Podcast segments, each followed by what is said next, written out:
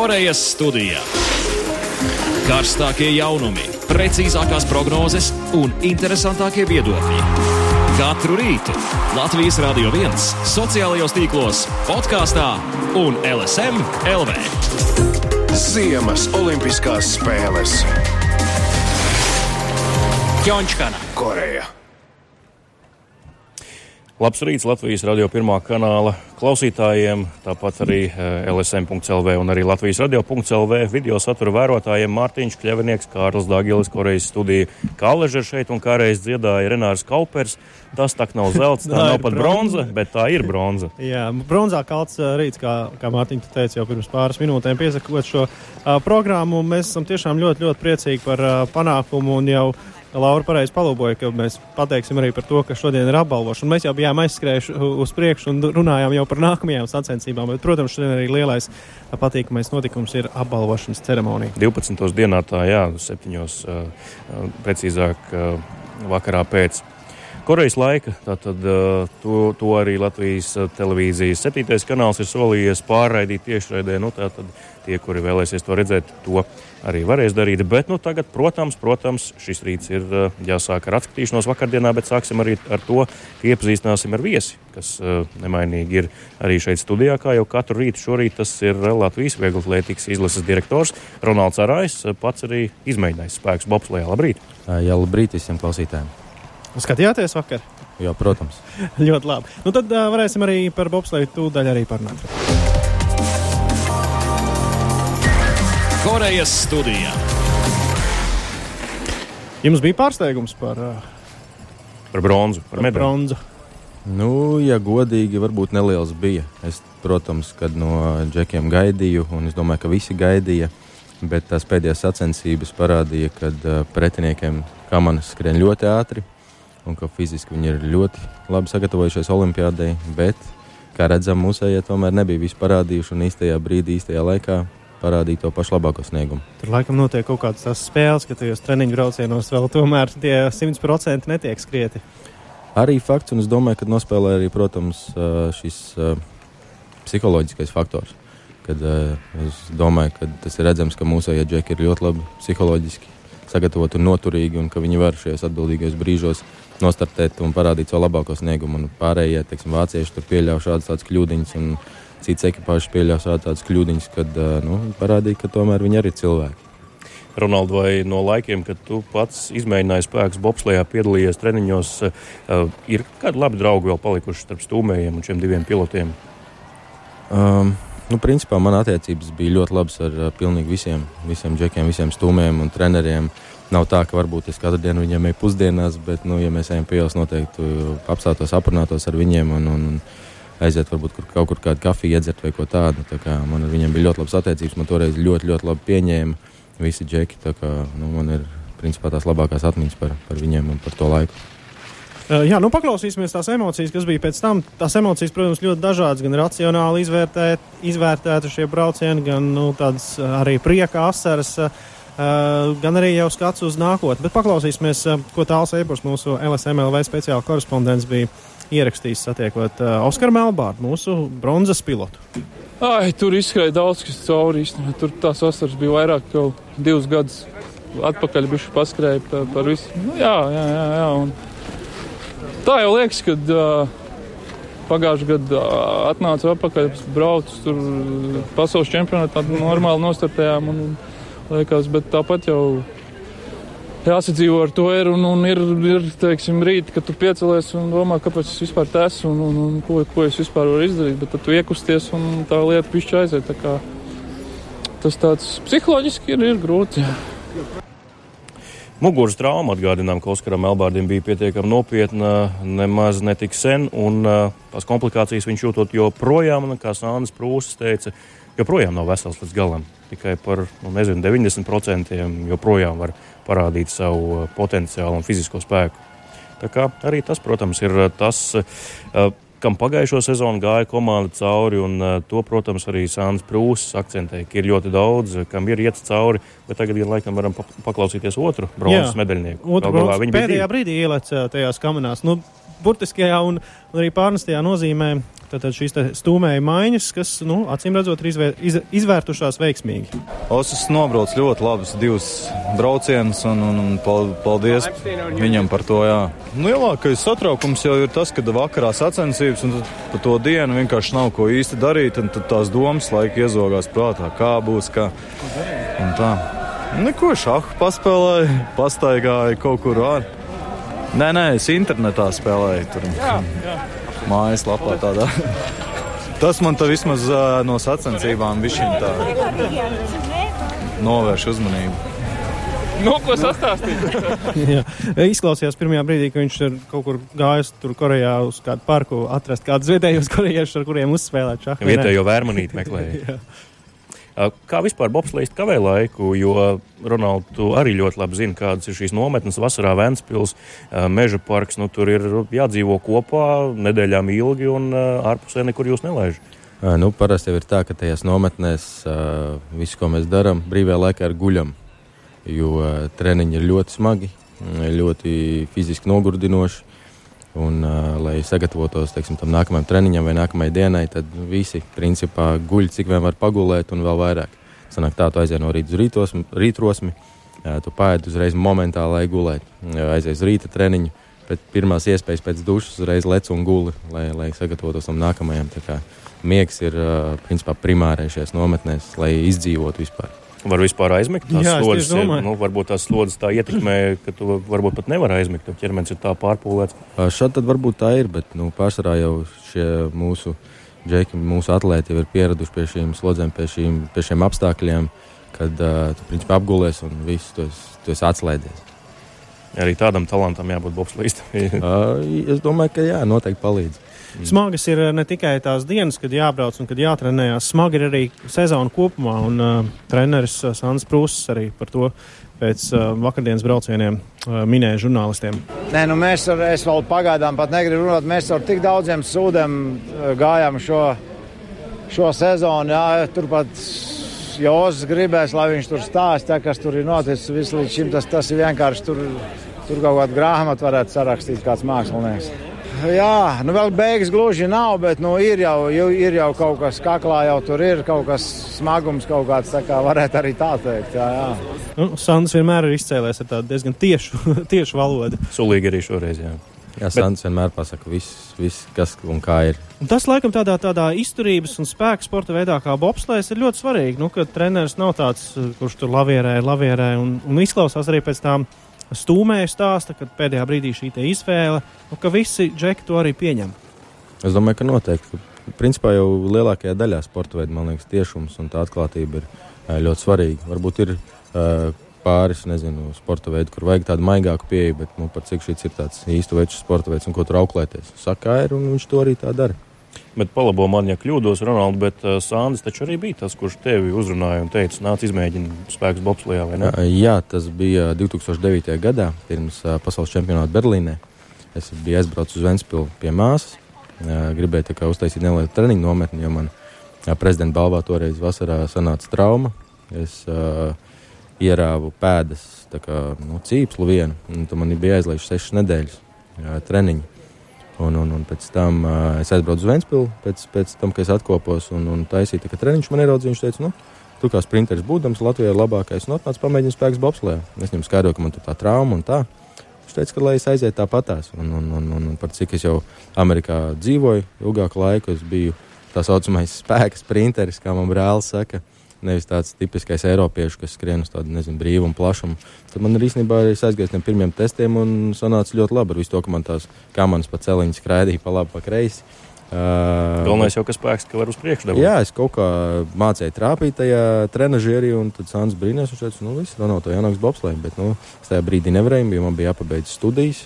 Amerikā, un tad es arī viņam nevis apsolīju, bet mums bija tā noruna. Es teicu, ka, nu, ok, kad pabeigšu skolu, tad noteikti atnākšu un pamēģināšu. Jā, un tad beig beigās arī vēl viena trauma. Tomēr tev pārvilks vīri pāri tam visam stāstam par bobslēm. Nu, jā, īstenībā tajā pirmajā gadā, kad aizgāju bobslēm, man bija tāda nu, diezgan traka situācija, jo es, aiz, es starp šīm nometnēm ir cikli. Tu esi div, divas nedēļas treniņu nometnē un divas nedēļas trenējies pats par sevi. Un, un tad uh, manā mamma Uh, Manā mamma mašīna notriec tajā starp ciklā, starp tām nometnēm, es aizgāju treniņu tā vietā, lai paliktu mājās un, teiksim, morāli un fiziski un emocionāli attietos no tā visa. Es aizgāju treniņu, un, zinu, kā domās, tas pie mammas, tur trenējies. Es treniņā fiziski, un tas ielauza potīti. Jā, tad, tas bija pirmais gads, kā man beidzās. Un otrajā gadā, jā, es kritu ar testa kādē un izlauzu plecu. Tur man bija smaga operācija, un arī viss aprāvās. Tā kā lūk, tādas aizkulisēs ir, ja vēlaties kļūt par bobsleju stūmēju, nav tā medus mājas uzreiz un bronzas medaļas kaklā neviens nekar to viņa pat. Bet eh, šodien arī vēl viens eh, starts latviešiem, vienīgais šodien izņemot apbalvošanas ceremoniju, kur arī ir jāstartē pēdiņās. Bet šodien šortrekā eh, Roberts Jānis Zvejnieks aizvadīs savu otro olimpisko startu 500 metros un tieši tāpēc, lai kā tad Roberts ir sagatavojies jautātu, esam piezvanījuši uz tālo Koreju eh, Evitai Krievānei. Labrīt, Evita! Labrīt, jā, Evita, vai tu mūs dzirdi? Mēs pirmo reizi šādā veidā esam saslēgušies ar Koreju. Halo! Jā? Dzirdam, dzirdam, dzirdam. Es mazliet skaļāk pagriezīšu, bet būtībā dzirdam, jā. Jā. Jā, dzirdam tagad beidzot labi. Kāds laiks Korejā? Mārtiņš jautā, kāds ir laiks Korejā? Eh, nu, šobrīd ārā saulīt spīd un eh, vēja nav un diezgan silts šodien. Salīdzinoši. Pāris grādi, es domāju, plusā ir. Eh, jā, Evita, par, par Robertu Zvejnieku. Ko jūs kā treneris sagaidāt no viņa 500 metru distancē? Nu, uz doto brīdi ir tā, ka mēs esam izdarījuši visu, lai maksimāli labi sagatavotos šim startam. Un arī nu, tas brauciens, kas viņam ir, viņam ir otrais celiņš, kas ir labvēlīgs viņam. Bet, kā jūs saprotat, ka Olimpiskās spēlēs nav nevien, viens viegls brauciens, un ka viņi visi ir līdzvērtīgi pilnībā šajā priekšbraucienos, jo tie ir pasaules labākie 30 sportisti. Ja, un, Līdz ar to mūsu mērķis ir pārvarēt šo pirmo kārtu un iekļūt nu, tajā pamatā, tajā ceturtajā finālā. Nu, tur ir interesanti tas, ka tajā braucienā ir viens olimpiskais čempions jau kanādietis Žirārs. Un, šajās olimpiskās spēlēs. Jā, jau šajās izcīnījis olimpisko medaļu. Un tad divi, kas varbūt nav tik spēcīgi, bet jau minēja, ka spēcīgi visi ir. Kāda varētu būt tā taktika? Septiņkārtais Eiropas čempionāts Jurijs Komfortolē. kā, piemēram, kas ir pirmajā celiņā. Un eh, arī e, tas eh, Vlads Bikanovs, kas ir no Izraēlas, tas arī ir Eiropas medībnieks un arī pasaules kausa medībnieks. Tā kā, kā jūs sakat, konkurence ir liela. Bet, Kāds jautājums jums bija? Taktika. Kāda ir taktika Robertam? Jā. Ieķerties aiz tā kanādieša vai skatīties, ko itālis dara, vai kā, kā tikt tajā nu, divniekā? Jā, nu mūsu gadījumā Roberts ir viens no ātrākajiem starteriem. Tas nozīmē, ka e, mums plāns ir, e, ja viņam izdosies perfekts starts, eh, tad viņam vajadzētu atrasties pirmā pozīcijā no starta. Un eh, tad eh, mēs ceram, ka tas kanādietis būs kā otrajā pozīcijā. Viņam ir ceturtais celiņš, kas ir bijis tā sarežģītāk, un ka kanādietis būtu otrajā pozīcijā no starta. Un tad, un tad jau jāstāsta, kāds brauciens aiziet tālāk, jo nu, kā, mums ir iespēja no starta kā, to startu pašu uzvarēt.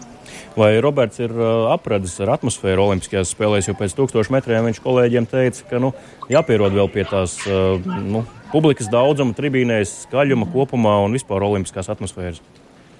Nu, es domāju, ka pats tāds būtiskākais sportistam ir tieši tas moments, kad tu esi uz tā starta. Jo pie pārējiem, es domāju, viņš ir pieredzējis jau, un mēs esam diezgan ilgi, jau gan arī trīs nedēļas uh, ar visu to pārējo, kas šeit notiek, tā gaisotne, olimpiskā.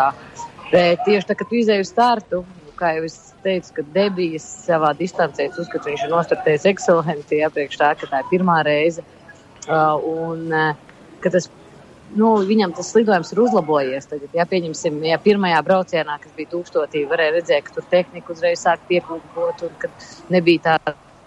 Tā simtprocentīgi pārliecība. Tad nākošā tūkstotī jau viņš jau redzēt brīvāks lido un ir tā kā, nu, sāk pierast. Un, uh, es ceru, ka šajā 500. ka viņš parādīs, ka jau viņš ir ap, apradis ar to jā, olimpisko sajūtu un, un ka mums viss izdosies. Jā, jāatzīst, Evit, ka Latvijā daudz cilvēku nu, varbūt pirmo reizi šo sporta veidu skatās. Un, un ir ārkārtīgi interesanti un uh, dinamiski. Un patiešām uh, ir arī redzēti visādi gadījumi, arī nu, ļoti tādi saudabīgi šortrekā, kā atcerēsimies 2002. gads Austrālijas. Jā. Tā kā ļoti jā. daudz, kas var notikt trasē, un, protams, turam īkšķi, lai Robertam viss šodien izdodas. Es saku lielu paldies Evita Krievāna, šortreka treneru pie jā. mums šorīt studijā no Korejas. Mēs saslēdzamāmies uh, Whatsappā. Un, uh, jā, turam īkšķus, paldies! Un patiesībā mēs varam, mēs varam paklausīties arī pašu Robertu, ko viņš stāstīja tālim. Jā, paklausīsimies. Varbūt tūkstotis metros es tā kā neticēju sev tik ļoti, jo tā nav gluži tā kā mana spēcīgākā distance. Vairāk uz 15 metriem koncentrējos. Viss ir spēcīgās formās, visiem ir milzīga pieredze, desmit un vairāk gadu varētu teikt. Lielākajai daļai no šiem slidotājiem man ir divu gadu pieredze un uh, ir, ir grūti pret, pret šiem slidotājiem, kuriem ir tā milzīgā pieredze. Roberts Jānis Zvejnieks, šortrekists, tātad šodien viņam starts. Uh, tūkstošu metros aizvadīts jau tagad 500 metru priekšā, kas ir, nu, teikt, viņam parocīgāka disciplīna, kā pats izteicies. Bet šeit, Korejas studijā Latvijas radio viens, joprojām Mārtiņš Kļavinieks, Kārlis Daglis un arī Ronalds Arājs. Un runājām jau iepriekš par bobsleju. Ronalda, ir vēl kas, kam tu pastiprināti seko līdzi Olimpiskajās spēlēs? Um, Bob, es, principā, protams, visiem sekoju līdzi, uh, bet es ļoti arī priecājos un ļoti sekoju un fanoju uh, ar visu ģimeni kopā par uh, mūsu uh, Silovu. Haralds Silovs. Haralds Silovs, jā. Uh, tas man ir, nu, tas, tas varētu, es varētu teikt, ka tas man ir kā, draugs. Uh, man māsa viņu ļoti labi pazīst, brālis pazīst, un, un es viņu pazīstu. Un, un, mēs esam uh, arī runājuši par to, kā tas ir, kad uh, viņš ir kā, ātrākais uz, uz ledus, un es esmu ātrākais kā, bez ledus. Jā, uz, uz, uz, uz, uz, uz parastās, tā teikt, tā vasaras klājuma. Jā, un, kad, Viņš arī kaut kādas padomus, toreiz atceros, prasīja par kaut kādiem startiem, kā es trenēju. Viņš pastāstīja, kā viņš tur jā, trenējās. Kā mēs uztur, kaut kādu kontaktu uzturam. Par viņu ļoti, ļoti priecājos par šo ceturto vietu. Jā, un Haralds Silovs joprojām otrā augstvērtīgākā rezultāta īpašnieks šajās Olimpiskajās spēlēs. Dalīt ar Martinu, jā. Protams, jā. Uh, bet Haraldam arī priekšā starts, bet par ātras lidošanu un šortreku tur ir kaut kāda līdzība sprintā, skriešanā un slidošanā, vai tomēr tas ir pilnīgi divas dažādas planētas? Um, sagatavošanās, muskuļu grupas un viss pārējais. Gan jau kaut ko kopīgu var atrast, bet tur tās uh, kustības, ja teiksim, mēs liekam uh, skrienot to kāju no augšas, tad viņi viņu slidina. Un, un, un tas ir pavisam citas lodziņas, un, un tur ir bijis cits, te, tā teikt, citas muskuļu grupas strādā, bet nu, asums, nezinu, spēks tur jau arī noteikti vajadzīgs. Un, un, un šī sprinta, tā teikt, ātruma izturība noteikti arī ir ļoti lielā mērā iesaistīti. Kā kaut kādas līdzības jau var noteikti var atrast. Es nesen, tagad uz Olimpijas laiku, New York Times bija izveidojuši tādu lielu pētījumu, arī savēlkot zinātniskos pētījumus kopā par to, ka cilvēce un cilvēki ir sasnieguši savus tos fiziskos griestus, ka vairs nav iespējams gan drīz vairs pārspēt rekordus gan slidošanā, gan arī nu, vieglatlētikā, kur ir, kur ir šie te, nu, varbūt tie sporta veidi, kur nav kur, jā, kur nav tas tehniskais pienesums tik liels. Nu, slidās tur vairāk nav ko pielikt klāt, ja, un botas jau arī ir kādas ir. Jūs piekrītat? Ir tie griezti sasniegti. Tā man liekas arī teica 1950. gados.